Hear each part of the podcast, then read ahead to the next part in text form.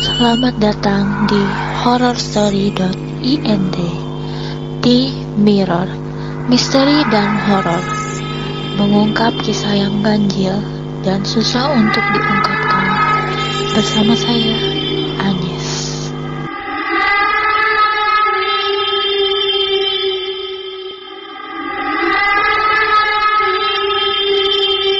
Halo semua, jadi kali ini gue pengen uh, berbagi cerita horor. Salah satu cerita horor yang pernah gue alamin selama hidup gue. Jadi uh, cerita yang akan gue angkat kali ini adalah uh, cerita tentang pengalaman gue ketika gue tinggal dan kuliah di Jakarta. Gue kuliah di Jakarta itu tepatnya uh, pada tahun 2011 dan ketika itu uh, untuk lebih, uh, lokasi lebih tepatnya adalah di daerah Jakarta Barat atau di Tanjung Duren.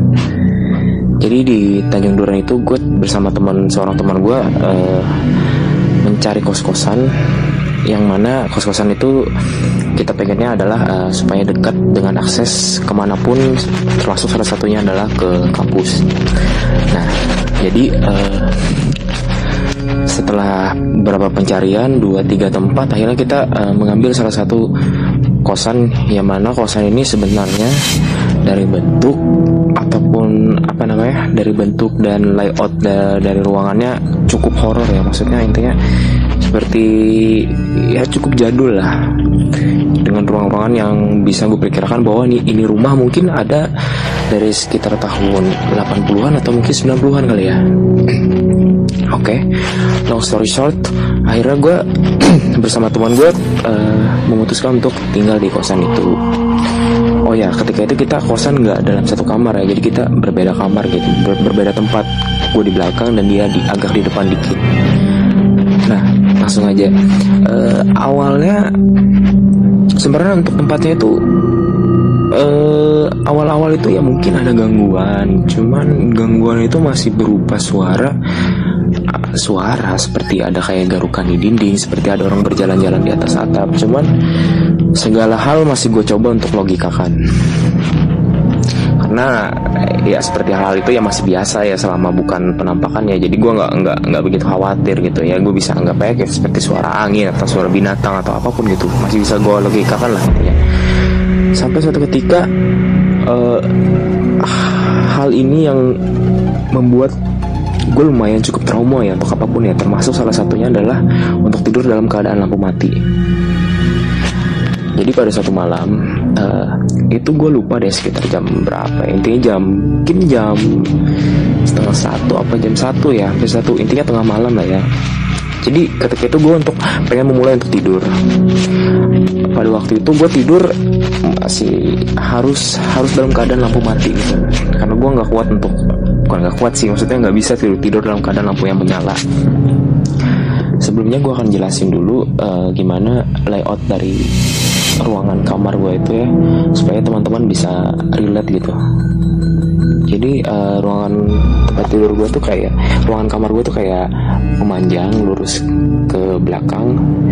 Di ini adalah pintu dan di atas pintu itu ada sebuah apa ya namanya ventilasi angin lah ventilasi angin. Sesuai ventilasi angin di depannya ada meja dan TV di sebelah kiri di pojok kiri itu ada tempat tidur.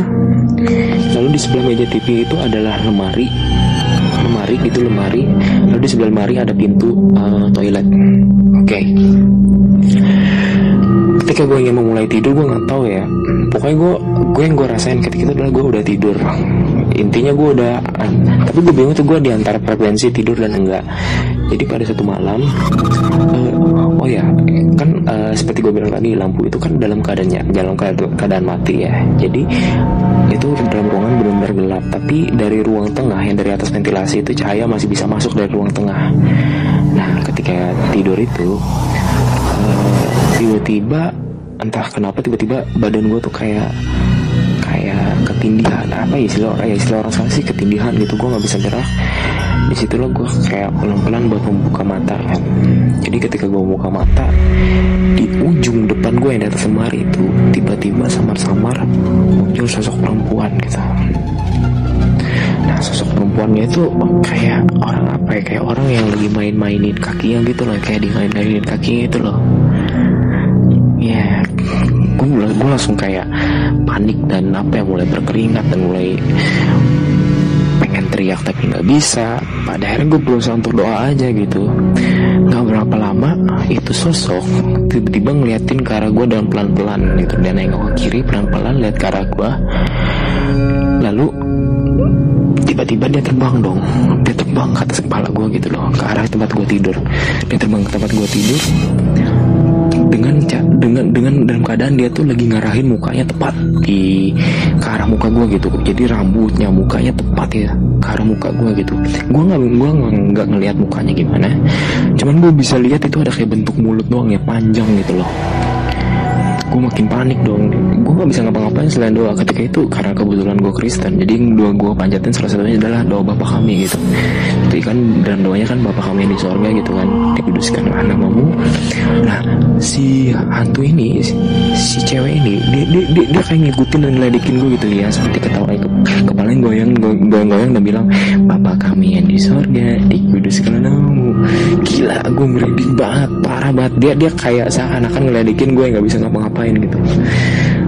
Akhirnya gue bisa cuman bisa doa cuman bisa pokoknya cuma bisa doa dan gak bisa ngapa-ngapain gitu. Sampai akhirnya gue tutup mata lalu entah kekuatan dari mana yang datang tiba-tiba gue dapat kekuatan dan gue tuh nendang dia nendang kaki tuh ke arah atas pakai dengan kaki kiri gue gitu loh. Akhirnya gue tendang tuh bayangan lalu tiba-tiba zrip kayak kebangun gitu. Gue kayak kebangun terus gue buka mata dan langsung buru-buru hidupin lampu tuh bayangan udah nggak ada gitu kan.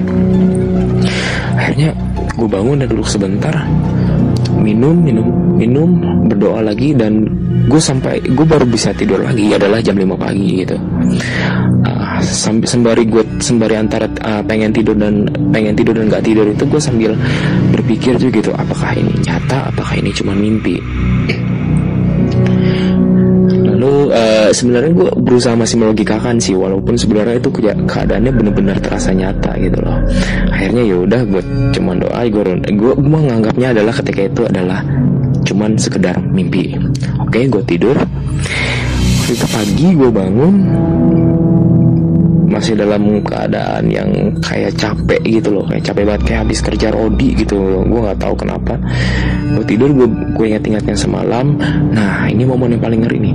Jadi ketika gue mau bangkit dari tempat tidur untuk jalan ke toilet ketika itu kaki yang gue pakai untuk nendangin dia itu sakit banget itu gue nggak bisa gue nggak bisa nggak bisa melangkahkan kaki dengan kaki itu rasanya berat banget sampai akhirnya gue manggil dan ngechat teman-teman gue untuk datang ke kosan gue untuk nolongin gue gitu Nah dari sini gue nggak tahu nih sampai kesimpulan pun sampai hari ini apakah cerita gue itu atau pengalaman yang gue alami semalam itu apakah benar atau cuma mimpi? Menurut teman-teman teman-teman gimana?